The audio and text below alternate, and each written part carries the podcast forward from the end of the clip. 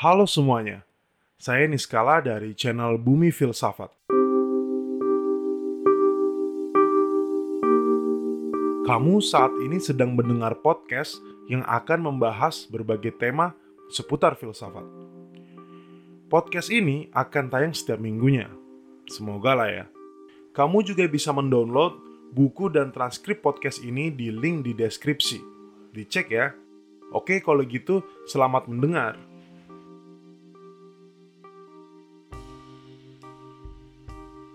Episode ini adalah komentar saya terhadap pesan Epicurus ke Menoiseus di dua episode sebelumnya. Surat Epicurus ke Menoiseus ini bercerita tentang suatu filosofi dalam hidup atau etika dalam hidup. Etika merupakan salah satu cabang dari ilmu filsafat yang mengkaji tentang nilai. Balik lagi ke tentang surat itu, dari segi penulisan ya, Surat ini ditulis dengan gaya direct, to the point, seperti obrolan kepada teman pada umumnya lah. Ini menceritakan tentang yang namanya a fairy table of happiness, sebuah kebahagiaan yang sesungguhnya.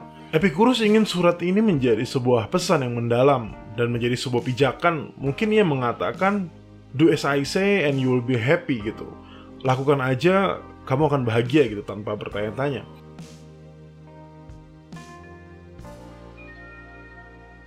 Epicurus dalam suratnya terlihat memformulasikan filosofi etikanya sebagai sebuah kehidupan yang asketik dari kebajikan dan kenikmatan. Dalam arti di sini kehidupan yang asketik itu semacam karakteristik kehidupan yang lebih mementingkan self discipline, self denial untuk peningkatan spiritualitas kita gitu. Kenikmatan bagi Epicurus adalah kebaikan yang tertinggi dan kebahagiaan itu merupakan usaha memaksimalkan kenikmatan. Namun baginya kenikmatan itu ada dua bagi Epicurus yaitu dynamic pleasure sebuah kenikmatan yang dinamis dan static pleasure sebuah kenikmatan yang statis atau tetap. Nah, yang static pleasure ini merupakan yang direkomendasikan oleh Epicurus. Kenikmatan baginya suatu keadaan static equilibrium bisa kita maknai sebagai keseimbangan yang statis atau tetap. Sehingga equilibrium ini menjadi sebuah garis. Garis yang menjadi standar seimbang dalam hidup kita gitu. Nah, jadi status equilibrium ini merupakan antara tarik menarik dari pemenuhan hasrat kita dan setelah kita memenuhi hasrat itu lahirlah sebuah hasrat yang baru. Dan juga bisa jadi timbullah frustasi dan rasa sakit.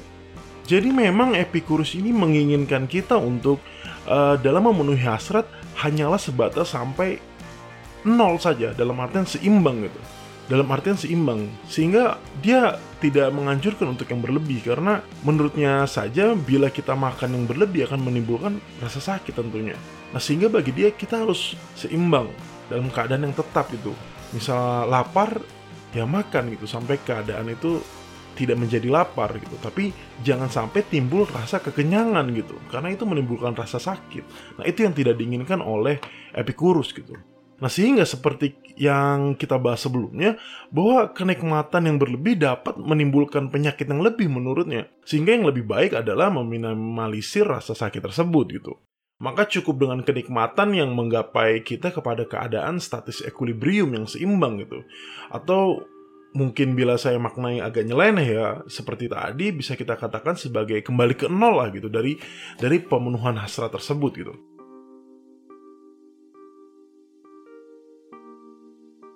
Yang dicita-citakan oleh Epicurus ialah keadaan yang disebut ataraksia, yaitu state of freedom from distress and anxiety gitu.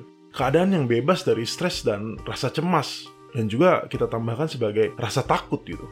Maka menurut Epicurus ini yang bijak adalah memenuhi hasrat yang mudah aja gitu, yang mudah diakses, yaitu yang ia sebut sebagai hasrat yang natural dan dibutuhkan sehingga hal-hal sebenarnya yang tidak natural dan tidak dibutuhkan itu tidak perlu menurut Epicurus itu. Seperti misalnya kekayaan, ketenaran dan lain hal gitu sebuah nilai yang semu gitu tidak perlu gitu. Yang kita butuhkan adalah hal-hal yang natural dan yang jelas yang kita perlu untuk menopang kehidupan kita itu mengenai kematian saya rasa cukup jelas ya menurut Epicurus itu tidak perlu ditakutkan apalagi ia penganut sebuah filsafat atom itu dalam arti bahwa kita ini berdasarkan materi gitu sehingga bila kita mati ya kita musnah gitu nah penekanannya adalah karena manusia saat hidup merasakan sensasi yaitu sebuah rasa nikmat dan rasa sakit.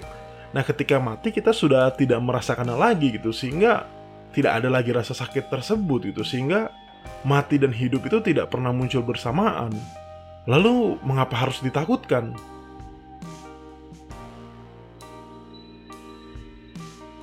Oke, jadi saya rasa cukup komentar saya terhadap surat Epicurus kepada Menoiseus ini yang saya rasa begitu mendalam ya, cukup menggetarkan jiwa gitu.